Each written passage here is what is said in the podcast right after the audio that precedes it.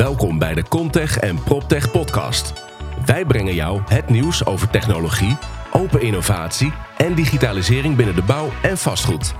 Dit doen wij door start-ups, scale-ups, technologiebedrijven en natuurlijk first movers en innovators vanuit bestaande bedrijven te interviewen.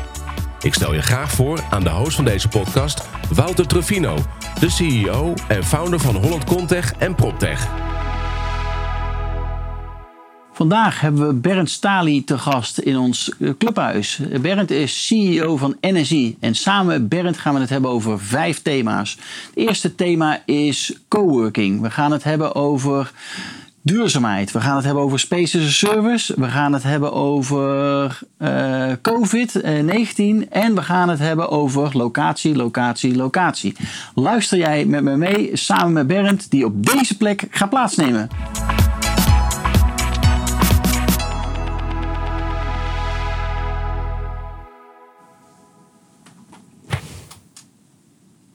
Welkom, Bernd Stali hebben we vandaag in ons clubhuis. Dankjewel, goedemiddag. CEO van Energie. Leuk dat je hier bent. De eerste keer dat je bent, ziet er heel leuk uit. Heb je leuk gedaan. Dankjewel. Ja, het was even klussen en dan, uh, dan heb je ook wat. Maar we zijn nog, nog, nog, niet, nog net niet klaar. Maar het begint langzaam een beetje met dat slimme dingen. Begint het een beetje te worden zoals we het willen hebben. Dus uh, ja, ik ben er wel heel blij mee. Ja, je kan er goed tijd mee vooruit. Ja, we kunnen er zeker een mooie tijd mee vooruit. En nu hopen we dat dat corona een beetje weggaat. Dat we onze evenementen ook weer kunnen gaan, uh, gaan plaatsvinden. Dan wordt het helemaal leuk. Zeker. Dan gaat het bruisen. We gaan het vandaag hebben over energie. We gaan het iets anders aanpakken. Want normaal gesproken hebben we een hele rits aan vragen die we van tevoren hebben opgenomen en, uh, en, gedeeld hebben met jullie. Maar we hebben nu eigenlijk gewoon vijf thema's benoemd. En daar gaan we het met z'n tweeën, uh, tweeën gewoon over hebben. En ik ben benieuwd. Ik ook. Wat eruit gekomen? Kom erop. Het eerste thema, ja, het is natuurlijk een, een, een, niet een verrassend thema, want iedereen is toch wel bezig met COVID-19, corona. Hoe ervaren jullie dat nu, deze situatie? Uh, het is niet iets wat we hebben zien aankomen. Uh, en daar kun je ook niet echt protocollen op bouwen voor, vooraf dat je een aantal stappen kan zetten om meteen te weten hoe je moet gaan reageren. Dit was voor ons nieuw. Uh, we hebben eigenlijk voordat Rutte met de opmerking kwam, dat was een donderdagavond volgens mij, dat mensen eigenlijk gevraagd werden om thuis te gaan werken, hadden wij een, net een thuiswerktest gedaan. Hebben we mensen uh, vooraf eigenlijk gewoon twee dagen thuis gezet om te gaan kijken of, dat, of al onze systemen functioneerden en werkten. En dat bleek te werken. En eigenlijk, uh, toen die test afgelopen was, zijn ze meteen thuis gebleven. Omdat de richtlijn kwam. ja. Dus uh, we waren letterlijk net op het laatste moment net op, tijd om uh, door te gaan. En, maar wat heeft er dan voor gezorgd dat jullie toen die test hebben gedaan? Toch een trigger van we, we moeten zagen, hier wat mee doen? We zagen het aankomen. Ja. En ik, je kan het niet hebben dat je eigenlijk naar huis moet en dan nog geen test gedaan hebben, want dan kun je niet meer bijsturen. Uh, dus we hebben op een gegeven moment echt letterlijk gewoon gezegd: oké, op maandagochtend, woensdag, iedereen, woensdag en donderdag iedereen thuis. Meteen uh, uh, kijken of alle systemen werken. Probeer gewoon de systemen te gebruiken. we hebben Microsoft Teams. Ik ga kijken hoe dat werkt. En ik heb eigenlijk weinig klachten gehad. en dus daar zijn we gewoon mee doorgegaan. En ja, zeer recentelijk is vanaf begin deze week hebben we weer eigenlijk het kantoor opengesteld. En zijn we in uh, twee shifts zijn we aan het werken. Een deel komt op maandag en woensdag en een deel komt op dinsdag en donderdag. Uh, dus toch nog iets van een scheiding aanhouden uh, uit veiligheidsoogpunt. En om ook niet een te hoge bezetting op een bepaalde dag te hebben. Ja. Maar, en dat, dat loopt nu langzaam, begint het weer een beetje op te lopen. Dat zien we ook trouwens in onze eigen kantoren. Want vanaf mid-maart zijn, is de bezettingsgraad in onze kantoren in één keer teruggezakt. de feitelijke bezetting gewoon van hoeveel mensen er zijn naar 5 tot 10 procent. En dat zit nu weer op 30, 35 procent. Ja, dus mensen komen ook weer langzaam terug naar de kantoren. Mensen komen langzaam weer terug. En, maar goed, dat was wel een periode voor ons waar we... We hebben dus een periode gehad van een maand, anderhalf, twee maanden... om ons voor te bereiden op een veilige terugkomst van al onze gebruikers, al onze huurders. Uh, en het was in het begin even zoeken van ja, wat is nu uiteindelijk noodzakelijk? Wat moet je wel doen? Wat moet je niet doen? Wat kun je doen? Uh, en dat hebben we in de periode april, begin mei uitgedacht. Uh, en de afgelopen twee weken is eigenlijk alles versneld geïmplementeerd in, uh, in onze panden. En dan praat je over uh, 46 kantoren die en bestikkerd moesten worden. eerst geanalyseerd, wat is er nodig, wat zijn de eisen. Dan overal bestikkering. we hebben overal extra gewoon ja, hand sanitizer uh, besteld. Ook op de contactpunten, dus bij de deuren, bij de liften. Uh, dat, moest ook gewoon, dat is ook niet allemaal meer op voorraad, want je bent niet de enige die op dit moment. Nee, dat kan ik net zeggen. Iedereen dus, die wil zijn kantoren natuurlijk gaan aanpassen. Ja, dus dat hebben we op, nog net op tijd in werking gesteld dat we de voorraden hadden. Dat, wordt, dat is allemaal geïmplementeerd. we hebben ook protocollen geschreven, richtlijnen geschreven. We hebben van die kuchschotten, die plastic, uh, plexiglas kuchschotten, daar hebben we er ook duizend van besteld. Uh, om gewoon ook in onze panden voor onze gebruikers deze beschikbaar te hebben. En we zijn nog met een aantal extra initiatieven bezig ten aanzien van gezondheid. Dat je als je binnenkomt je temperatuur kan gaan scannen. Uh, vrijwillig, niet verplicht. Maar nee, dat kan niet, hè? volgens mij vanwege wetgeving, toch? Correct. Ja. Maar je kan het wel aanbieden als een dienst naar je gebruiker. En zo zijn we nog met een aantal dingen bezig. En dat is. Kijk, we gaan er wel vanuit dat wat we nu aan ingericht hebben, dat we daar de komende tijd nog wel behoefte aan gaan krijgen, uh, gaan hebben. Ook al zie je nu dat het probleem over corona even wat minder wordt. Je ziet het aantal uh, ziektegevallen ook afnemen. Onze veronderstelling is dat we na de zomer het wel weer gaan zien oplopen. En ja, dan moet je dus nu ook door blijven gaan met voorbereidingen voor wat er als een tweede golf komt. Weer moet gaan doen om verder te ondersteunen. Maar dat, het heeft, uh, je moet protocollen schrijven van hoe ga je om met uh, trappenhuizen. Hoe ga je om met ja, mensen die omhoog en omlaag willen.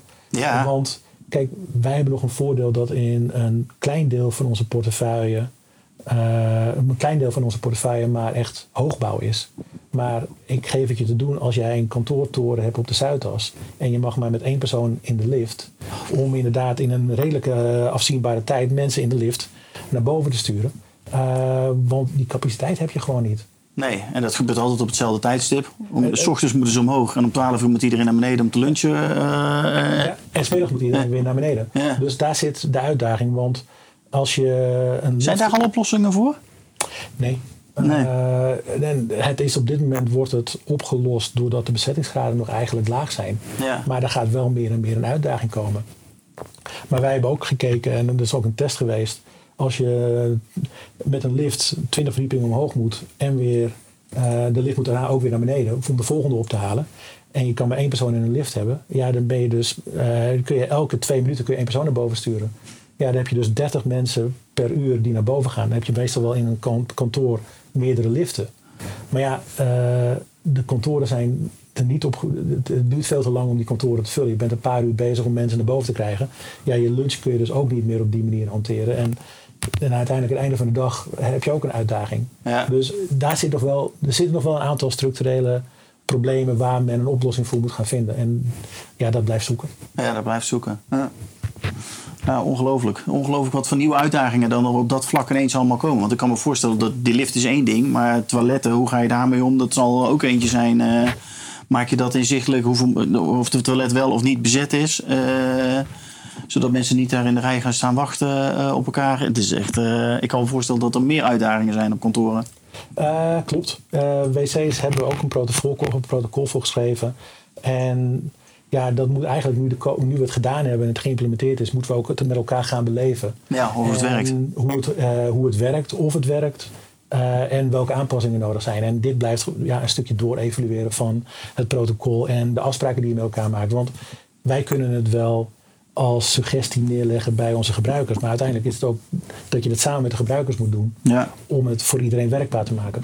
Even nog terug naar die bezettingsgraad. 30% zitten we nu weer op. Ongeveer. Ongeveer. Uh, verwacht je dat het weer teruggaat naar die 100? En hoe snel? Of, uh... het, ik denk dat als je nu hoort, of ziet ook dat het 30% is. We horen vanuit de data die we krijgen dat in uh, het zuiden van het land gewoon de verkeersstromen op de snelwegen weer eigenlijk op pre-corona levels zitten. Dus daar is het eigenlijk alweer bijna normaal druk. Ja. Ehm, sommige gebruikers, en het zijn met name de, de meer Anglo-Saxische Amerikaanse organisaties, de grote organisaties, die zitten heel strikt in een protocol en die blijven eigenlijk grotendeels uh, thuiswerken. Dat zien we. Uh, ja, dus die komen nog niet terug? Die komen nog niet terug. Ja. Uh, de kleine organisaties die zijn daar wat makkelijker, wat flexibeler in. Iedereen neemt daar ook zijn eigen verantwoordelijkheid in. Uh, en die zie je wel al veel meer terugkomen. Ja, En straks, zeg maar na corona, als we dit helemaal voorbij hebben, hoe zie jij het voor je? Gaan we met z'n allen weer vijf dagen in de week naar kantoor? Of zal het een mix worden? Ik verwacht dat het een mix wordt. Uh, we zien nu ook dat sommige mensen zeggen van ja, ik geef het kantoor op. Ik hoef niet meer naar kantoor, want ik heb nu ervaren dat het zonder kan. Ik denk dat dat een ja. iets te makkelijke ja. uitspraak is. Uh, ik verwacht dat de komende tijd mensen in een evenwicht gaan proberen te komen tussen een deel op kantoor en een deel thuis. Het kan ook voor een deel thuis. En niet alle activiteiten die men doet, hoeven op kantoor uh, plaats te vinden.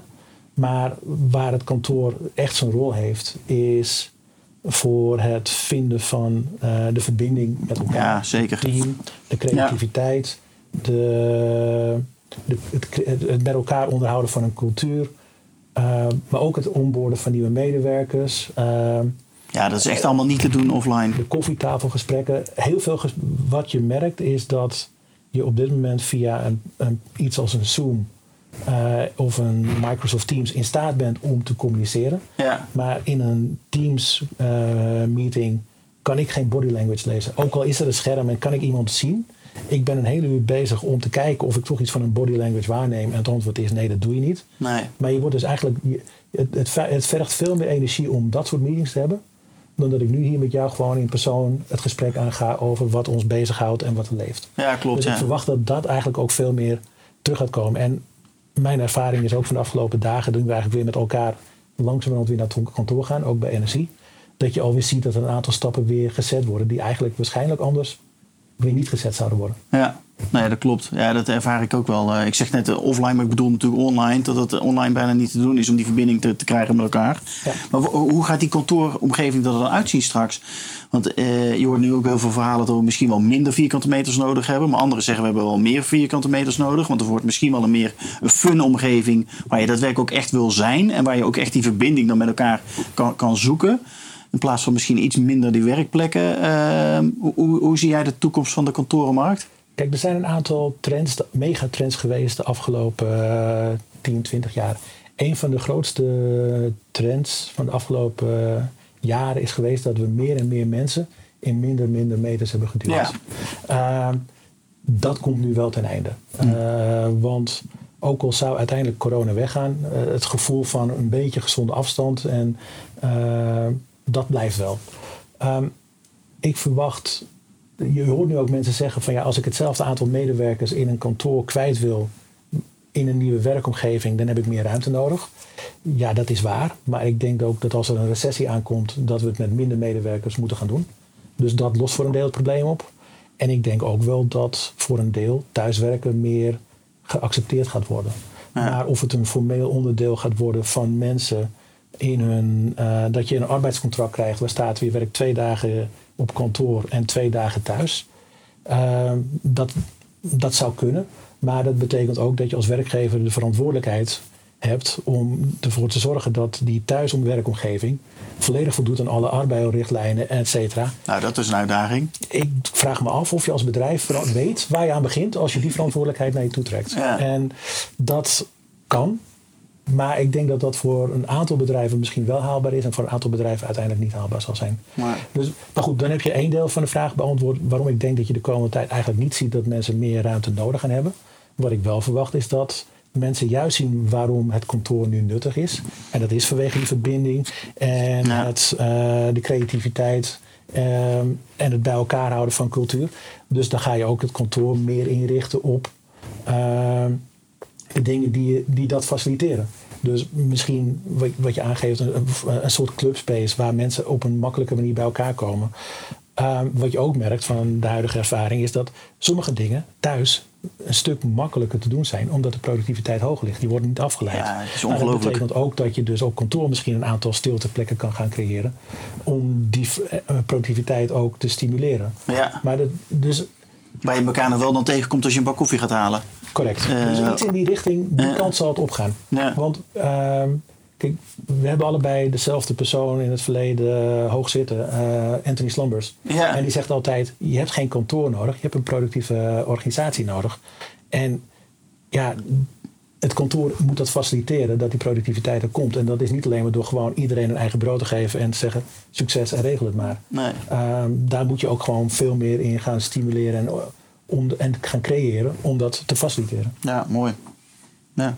Uh, welke kenmerken heeft een uh, omgeving die productiviteit stimuleert volgens jou?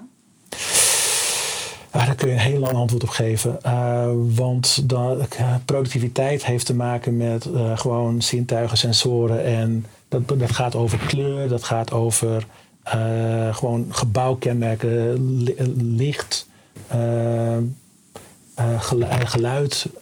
er komen heel veel dingen in spelen die uiteindelijk gewoon mensen een prettige werkomgeving geven. Dus dat is ook een van de punten waar wij met onze organisatie mee bezig zijn vanuit duurzaamheid. Dat is health and well-being. Ja, dat zijn we nog allemaal aan het uitrollen en aan het uittesten wat daar een rol gaat zijn. Maar daar moet je met name aan gaan denken. Speelt technologie daar een grote rol bij? Ik verwacht dat technologie meer en meer een rol gaat spelen daarin.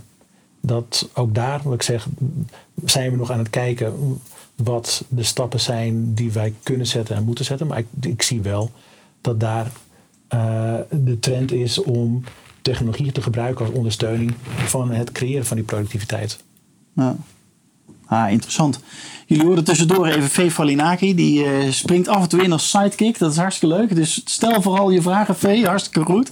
Volgens mij hebben we het eerste onderwerp COVID-19 wel een beetje zo met elkaar uh, behandeld. Ja. Zullen we doorgaan naar het tweede onderwerp? Dus begonnen we net al een heel klein beetje met een schuin oog uh, over duurzaamheid. Hoe pakken jullie het thema duurzaamheid aan binnen energie? En wat valt daar voor jullie onder? Daar valt heel veel onder.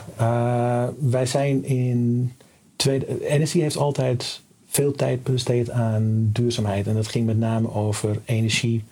Uh, gewoon eigenlijk het bijhouden van alle data omtrent energiegebruik van de panden. Uh, toen we in 2016, 17 opnieuw zijn begonnen met energie, was de eerste stap eigenlijk de organisatie op orde krijgen, de portefeuille op orde krijgen, en de systemen op orde krijgen en de data op orde krijgen.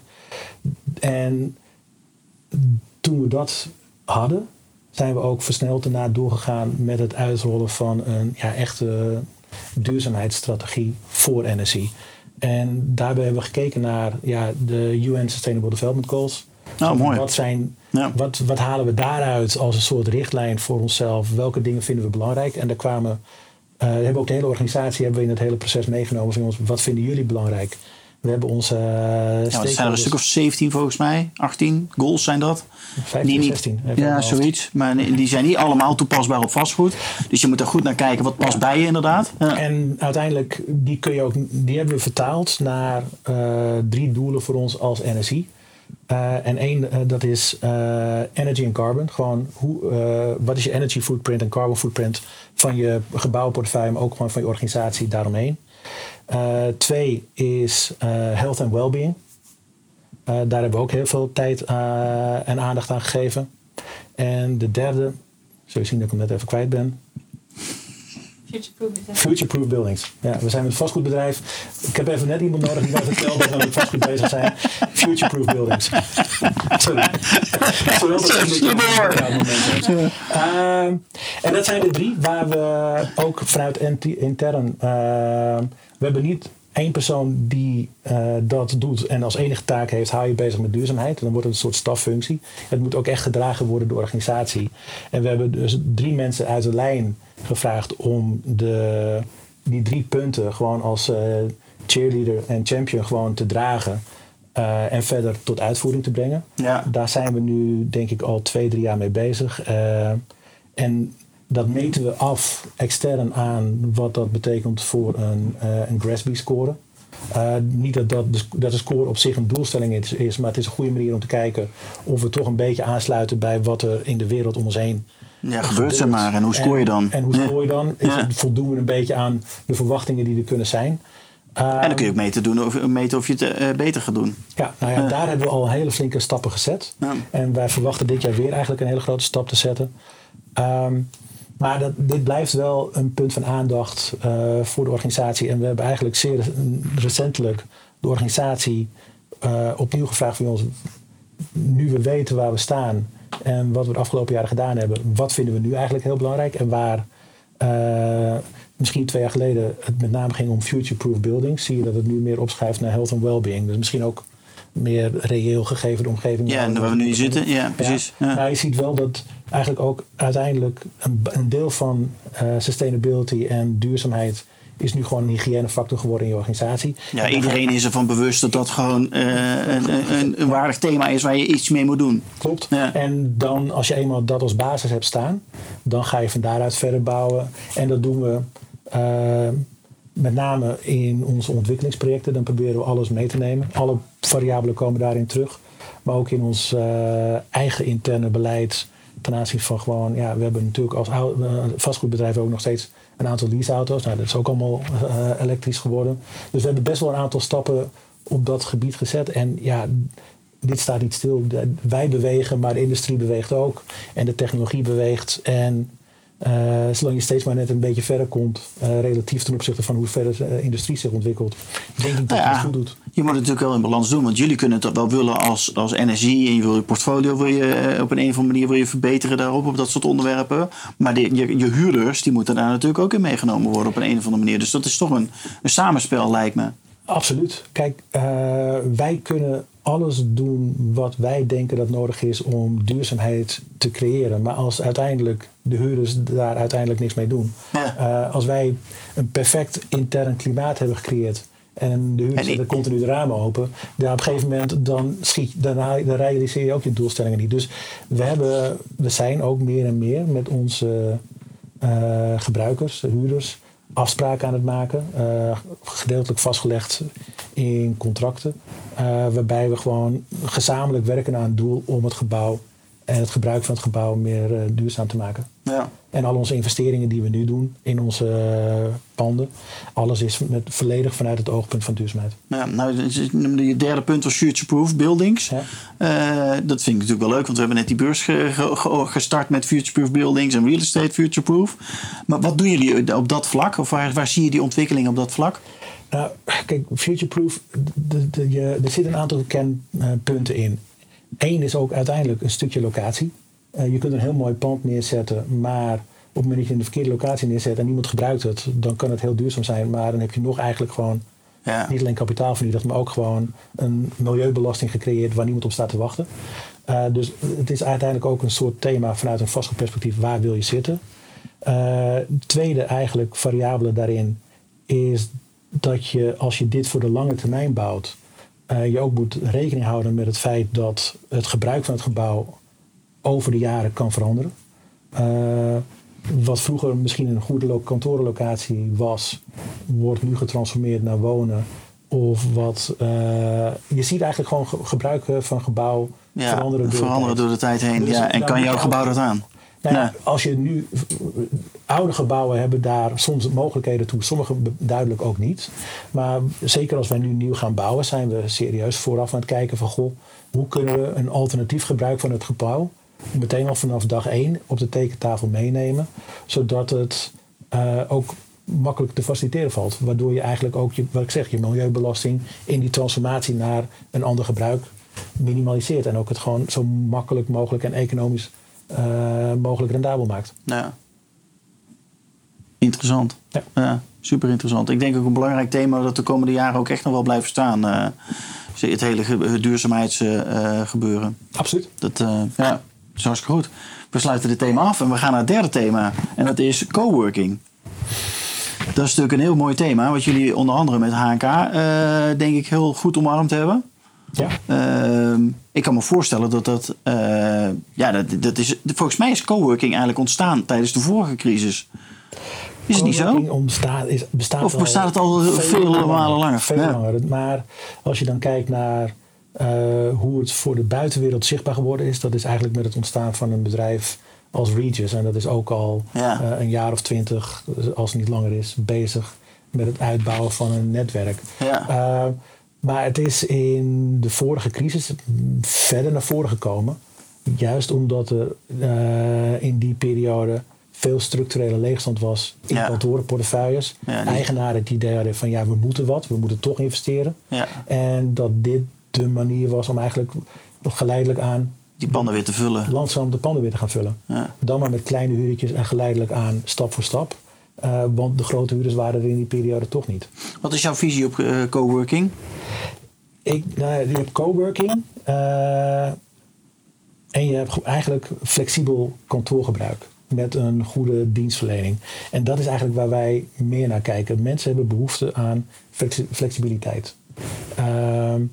Coworking uh, is een begrip van waar je met elkaar, met vreemden in een bepaalde ruimte zit. Uh, als onderdeel van een stukje sharing economy. Nou ja, in de coronawereld is sharing niet helemaal het idee waar we voor gaan. En nee. niemand heeft behoefte om met een vreemde in een uh, bus of in een tram te zitten. Dus dan ga je ook niet met een vreemde op kantoor, een, op kantoor zitten. Nee. Dus je gaat daar, of dat nu het model is voor het moment, dat weet ik niet.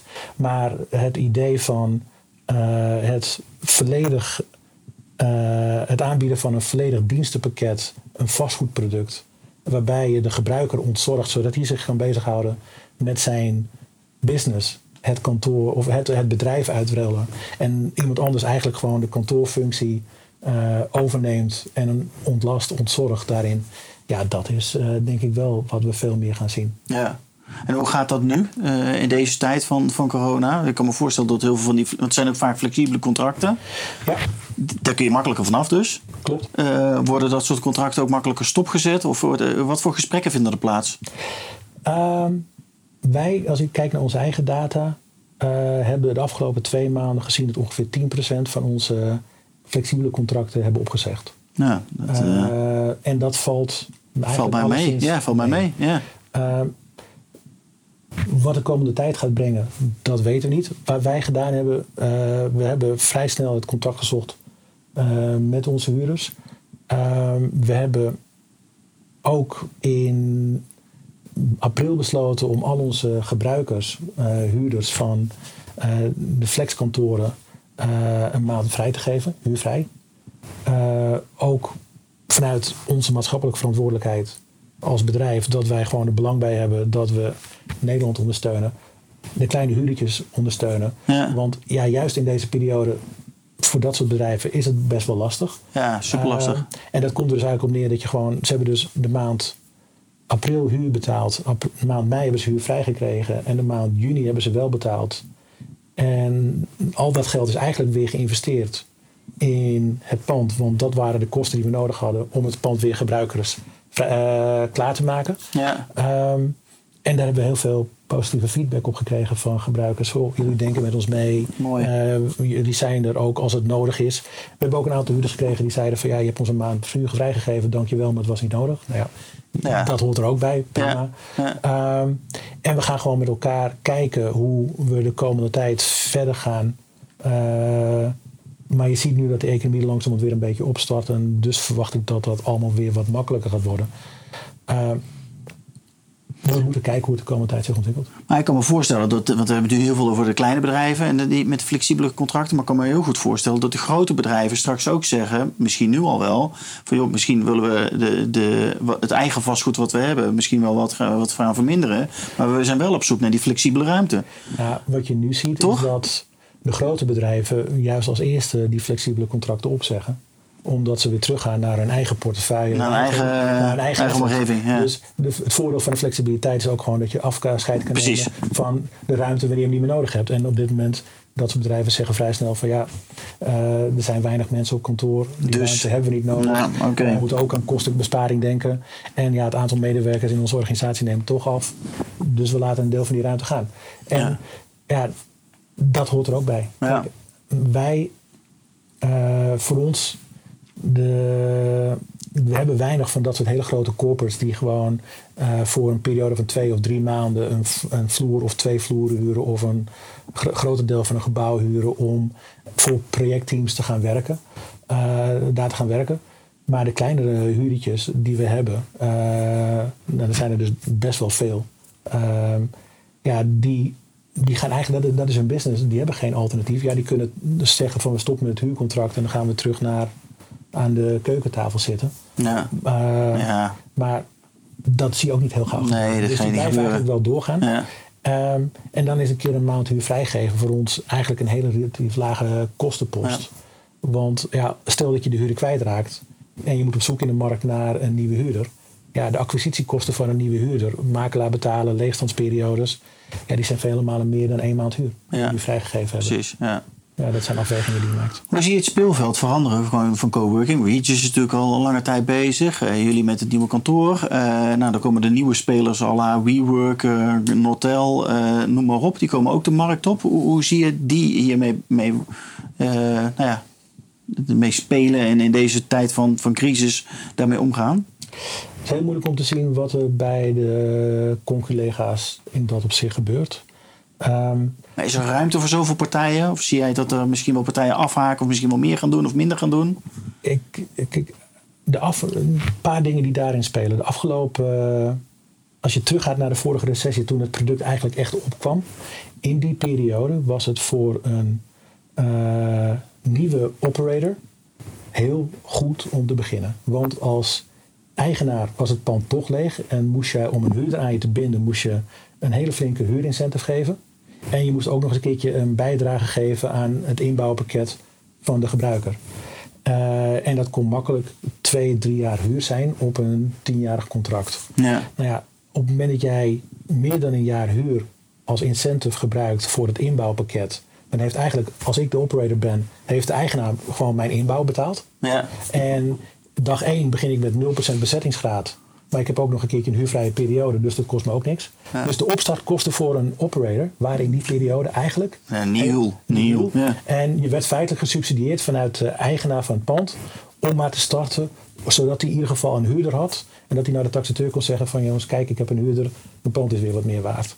Eh, en daarmee kon je de crisis overleven. Nou ja, de afgelopen twee jaar is die markt volledig veranderd, eh, waardoor je als operator moest gaan concurreren met andere gebruikers. Ehm, ja, dan krijg je dus de incentives niet meer. Of je krijgt de, de huurvrije, eh, ja, je krijgt in ieder geval of geen inbouw of je krijgt alles een stuk minder. Ja. Maar dan, dan moest je dus meer geld meebrengen om zelf je business op te starten. En dan werden ook dus de marges werden lager. Ja. En met lagere marges, ja, als je dan ook al 70, 80 procent bezetting in dat pand nodig hebt Om, om, eh, om je kosten te dekken en je huur te dekken, ja. ja, dan hou je in deze periodes hou je minder over. En ga je dus ook zien dat een aantal van dit soort partijen gewoon substantieel verlies gaan leiden. Die gaan er afhaken. Ik verwacht consolidatie. Ja. En wat ik, als je kijkt, en de hotelindustrie is daar al een stuk verder in. De afgelopen jaren heeft de hotelindustrie echt wel eh, laten zien hoe die wereld zich gaat ontwikkelen. Waarbij je heel veel verschillende hotelketens hebben. Met een heel veel met een verscheidenheid aan ja, producten. Dus jij kan in een eh, Van de Valk zitten, maar je kan ook in het eh, Ritz-Carlton zitten. En je kunt ook in het Mandarin Oriental zitten. Of je kunt in een Ibis zitten. Jij weet gewoon als je daar de product binnenloopt, dan weet je wat product je krijgt. Je weet waarvoor je betaalt. Ja. En dat gaat uiteindelijk ook met de flexconcepten gebeuren. Op het moment dat jij een WeWork binnenloopt, weet je wat je krijgt. Op het moment dat jij een HNK binnenloopt, weet je wat je mag verwachten. Ja. En wat dan gaat gebeuren. Maar die, al die ketens, zeker in de hotelindustrie, die hangen weer onder masterketens. Dus de Marriott groep, daar hangen 30 verschillende hotelketens onder. ja, die hebben allemaal een eigen... Ja, daarachter zit wel een infrastructuur ja. die dat voor een groot deel weer als dienstverlening aanbiedt voor al die ketens die eronder hangen. En daar zit natuurlijk een efficiency slag te maken. Ja. Ehm, ik verwacht dat we uiteindelijk ook in de flexindustrie meer die kant op zullen gaan. Ja. En daar is eigenlijk de moedercompany van Regis al mee begonnen. Ja. Eh, IWG. IWG, want die hebben natuurlijk aantal- Spaces. eh, ja. Ik kan niet Ja. inschatten of een hele achterkant al geuniformeerd is. Ja. Maar eh, ik verwacht wel dat die trend meer en meer die kant op gaat. Ja. Mooi. Ja. Gaan we dit thema coworking ook afsluiten? Gaan we door naar het, eh, het vierde thema.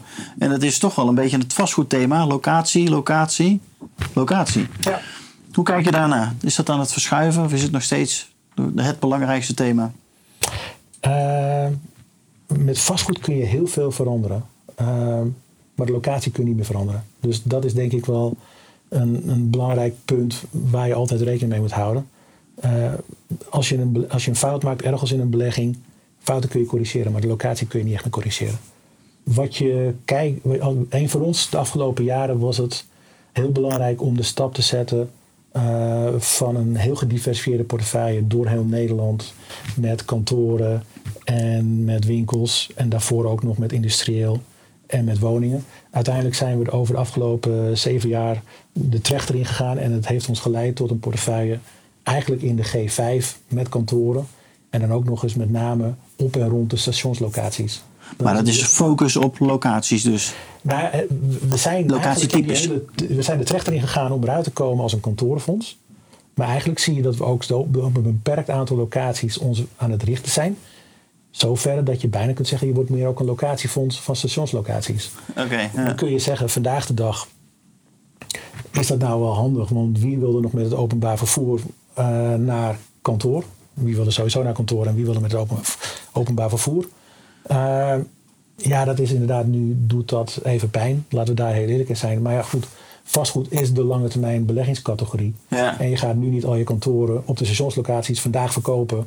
om nu weer overal langs de snelweg te gaan zitten. En over twee jaar is corona voorbij en dan kun je alles weer op de langs de snelweg gaan verkopen. En Eh, weer terug naar de nee. Nou, ook al zou je dat willen, dat ga je niet voor elkaar krijgen. Nee. Dus je moet nu even door deze zure appel heen accepteren dat de periode eh, waar we in zaten, waar die stationslocaties sterker werden, dat dat nu even stil ligt.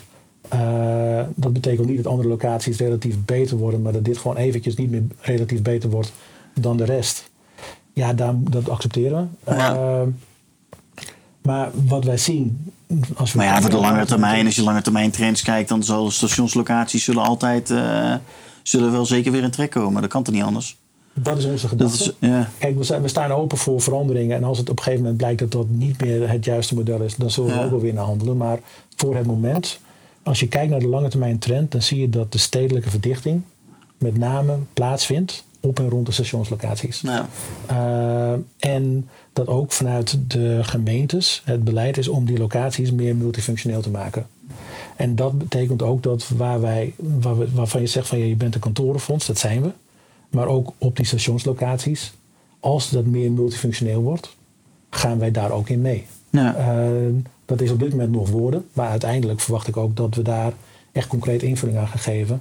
En een aantal van onze ontwikkelingsprojecten zijn ook multifunctioneel. Daar zit een element wonen in, daar zit een element werken in. En daar kan op een gegeven moment ook een element hotel of andersoortig vastgoed in komen te zitten. Ja. Nou, nou is locatie, locatie, locatie. Dat vind ik altijd hartstikke... Ja, het, het, het klinkt ook logisch, maar er komt natuurlijk ook meer dan dat bij kijken. We hebben net al een aantal thema's eh, ook be- behandeld. En volgens mij, Manhattan zijn we vorig jaar ook geweest met een tripje. En dan zie je die, die nieuwe torens zie je opkomen. Alle die oude torens die stromen leeg en iedereen gaat in die nieuwe torens zitten. Maar het is eigenlijk bij wijze van spreken, het is, het is 300 meter verderop. Dus de locatie is niet zo heel, heel eens anders. Maar er komt er toch, mensen willen toch dan in een nieuwe omgeving zitten. Met nieuwe technologie, een betere service. Is het ook niet meer dat dan alleen maar locatie, locatie? Daar heb je helemaal gelijk in. Kijk, iedereen, als jij tegen dezelfde prijs of misschien net iets meer een veel beter product kan krijgen, ook al is het bijna dezelfde locatie, dan zal iedereen gaan voor het betere product. Ja. Ehm, maar het is niet zo dat op het moment dat jij ergens in eh, de provincie het beste dienstverleningsproduct neerzet, Dat we dan allemaal daarheen gaan. we daarheen gaan. Nee, nee. Dus het blijft, eh, als je het slim aanpakt, heb je het gebouw op de juiste locatie. Met het juiste niveau aan dienstverlening voor de gebruiker in dat gebied. Ja, en hoe wegen jullie dat dan af? Dat is Doe je dat aan de hand van data? Is dat gevoel? Is dat, eh, Dat hoe is doe je dat? Dat Ja. is een zoektocht. En ik denk dat we daar meer en meer data voor gaan gebruiken. Maar dat ga je ook. We zijn nu eerst de afgelopen jaren door een proces heen gegaan om onze portefeuille te krijgen in de locaties waar we willen zitten. Eh, dan moet je eigenlijk de data die je nu gaat verzamelen gaan gebruiken om te analyseren welke facetten werken en welke dienstverlening wel en welke dienstverlening niet werkt. Ja. Dus die, die fase ga je nu eigenlijk pas echt serieus in. Ja, mooi. Ja. Wat is jouw verwachting? Over vijf jaar, hoe ziet de portefeuille er dan uit? En wat, zijn je, wat, wat denk je zelf dat eh, de meeste vraag naar is? Uh, wij hebben de portefeuille de afgelopen jaren uh, in omvang qua het aantal assets gehalveerd. We hadden heel veel kleine assets in de provincie. We zitten nu op 1,3 miljard aan kantoren. En dat zijn 65 kantoren, uh, met name eigenlijk in de Randstad. het team wat we nu hebben, dat is 45 man, kan makkelijk 65 panden van 20 miljoen aan. Maar het kan ook 50 panden van 50 miljoen aan. En in één keer zou je dus eigenlijk met hetzelfde team een dubbele hoeveelheid assets kunnen beheren. Ja. En dan wordt je, eh, je apparaat efficiënter Ja. en beter uitgenut. Eh, ik verwacht dat dat ook een fase is waar we ingaan. En zeker gegeven de, de balans die we hebben, staan we er gewoon heel eh, goed voor. En ik denk juist dat de komende periode, want je ziet toch dat, eh, we, laat ik zo zeggen, we verwachten dat er kansen gaan komen die we kunnen uitnutten om gewoon ook de portefeuille verder Ja. te breiden in deze periode. Ja, dat kan haast niet anders. Volgens mij heb je in de goede periode heb je, eh, de portefeuille er- herzien. Je wist je misschien ook niet van tevoren dat dit zo zou gebeuren. Je, je, je wist dat er altijd weer een recessie aan zat te komen. Ja, natuurlijk. En het is een beetje eh, koffiedik kijken van wanneer moet je klaar zijn met je herstructurering om klaar te zijn voor de, Voor de volgende, periode. Ja, En toevallig komt het dan net bij elkaar. ja Goed, precies, dat- dat perfect. is- Ja, dat, is, dat is dan een beetje het geluk hebben. ja, ja nou, dat is mooi. Toch? Ja. Laatste thema waar we, waar we naartoe gaan. Eh, ook een mooi thema. Die meneer die kwam al even langs. Anthony Slumbers, Space as a Service. Ja. Ja, dat is natuurlijk een heel mooi thema. Hoe kijk jij daarnaar? Eh, je weet dat wij hem eind vorig jaar naar Nederland hebben gehaald om... Ja, als eerste vastgoedpartij volgens mij om hem naar Nederland te halen, denk ik. Hij heeft al eens eerder hier gesproken, maar jullie hadden hem echt als eerste gewoon dedicated voor energie. eh je daarmee aan de slag te ga- gegaan? Klopt. En wij hebben hem een dag naar Nederland gehaald. We hebben er het maximale uitgehaald, volgens mij. Aan het einde van de dag is hij ook volgens mij afgepeigerd terug het ziekenhuis in gegaan. Wat hebben jullie gedaan? Wij hebben... Of wie is Anthony Slumbers? Misschien moeten we dat eerst... Slumbers eh, is ja. eigenlijk iemand die eh, zijn... eh, ja, op zijn palmares... Hij heeft een hele IT vastgoed achterkant beheersysteem gebouwd. Ooit voor British Land. Eh, dat is daarna verder uitontwikkeld. Dat is nu het bedrijf dat heet Vicinity. Ik weet niet of je dat kent. Mhm. Eh, hij, heeft, hij is adviseur. Hij is eigenlijk heel erg altijd bezig geweest met van wat wil de gebruiker. Ehm, en daar is hij ook voor bekend. Hij wordt overal gevraagd op lezingen en presentaties. Eh, en dat doet hij heel goed. Ja, Wij hebben hem naar Nederland gehaald. Voor, om, en voordat we hem naar Nederland haalden, hebben wij gezegd tegen de organisatie: ons, we gaan hem naar Nederland halen. Bedenk alle vragen die je maar voor hem hebt. En hij heeft, toen hij kwam, heeft hij een presentatie gedaan, voor de hele organisatie. Eh, en daarna heeft hij met elk individueel team gezeten, zodat hij alle vragen die zij hadden, gewoon in dat groepje nog even verder konden doorspreken. Eh, en het gaf echt wel de hele organisatie energie van oké, wij weten, we wisten al waar we heen wilden. Hij heeft het nog iets duidelijker gemaakt. En hij heeft ook handvaten gegeven door de vragen die hij beantwoord heeft. Ja. En daarna hebben we hem uiteindelijk ook voor eh, de, de industrie de presentatie laten doen. Ja. Eigenlijk onze stakeholders en iets wat breder daaromheen. Zodat eigenlijk ook al onze partners weten welke kant wij op gaan. En dat Ja. het verhaal niet alleen van ons horen, maar ook van Anthony zelf. En dat je dus ook daarna veel makkelijker het gesprek kan hebben met je al je stakeholders. Van, eh, weet je nog wat hij zei? Daar zijn we dus nu mee bezig. En dan maak je ook die verbinding met je stakeholders. ja ze eh, zijn al betrokken voordat je überhaupt een, eh, bent gestart eh, daarmee. Ja. Ja. En dus dan is het ook gewoon veel makkelijker. Want alles wat we nu doen, kunnen ze plaatsen vanuit het verhaal wat ze meegekregen hebben. ja, mooi. En dat, dat helpt ons ook weer in onze stap vooruit. Wat, wat is voor jou Space as a Service? Uiteindelijk volledige ontzorging voor een gebruiker van een kantoor. Ehm, geen enkele. Als ik een business run, wil ik mijn business runnen. En voor weinig bedrijven is vastgoed de core business. Ja, besteed het dan uit aan de partij eh, die zich daar echt in specialiseert.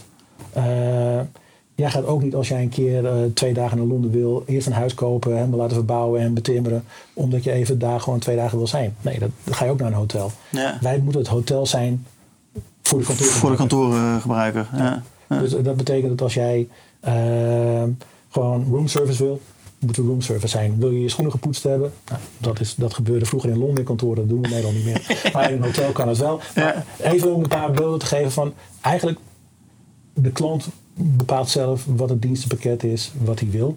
En daarom is er ook uiteindelijk zoveel ruimte voor de verschillende ketens, ook in de kantoorindustrie. Want sommige gebruikers zullen tevreden zijn met een IBIS-product. Sommige tevre- gebruikers zullen, willen echt een volledige uh, Ritz-Carlton behandeling met alles wat erop en eraan zit. Ja. Ze betalen ook daar een heel ander prijsniveau voor. Ja, maar dat zijn ze dan zelf ook bewust en dat willen ze ook. Ja, ja. Wat is het voor, jullie specifiek? Hoe ben je dan nu het eh, thema aan het omarmen? Wat, Nou, we hebben tot nu toe is eigenlijk voor ons uh, de dienstverlening uh, geweest vanuit HNK. Uh, maar de stap die wij gezegd, wat we gezegd hebben tegen elkaar en is wij moeten dienstverlening aanbieden aan al onze kantoorgebruikers.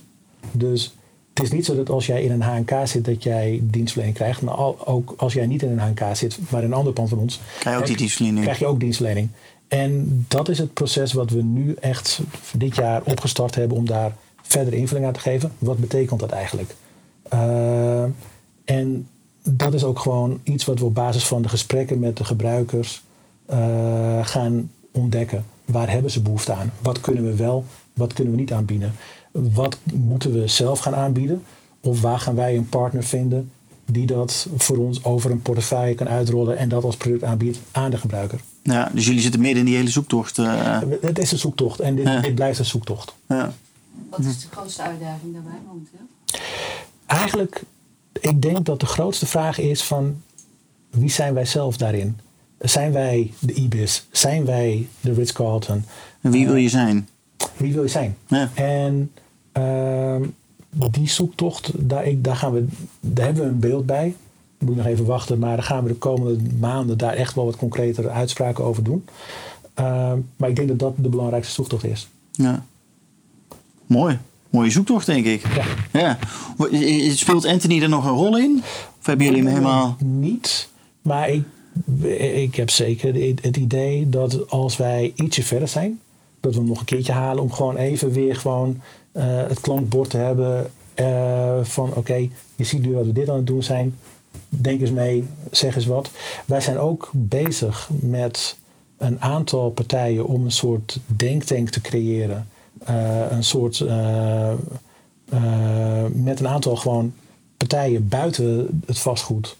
om ons hierin te laten adviseren. Want de waarheid zit niet alleen maar in het vastgoed. Het is juist buiten het vastgoed dat je je dienstverlening gaat uh, inrichten. Um, en dat, dan praat je dus over mensen die gewoon vanuit de universiteit bezig zijn als psychologen, uh, antroposofen.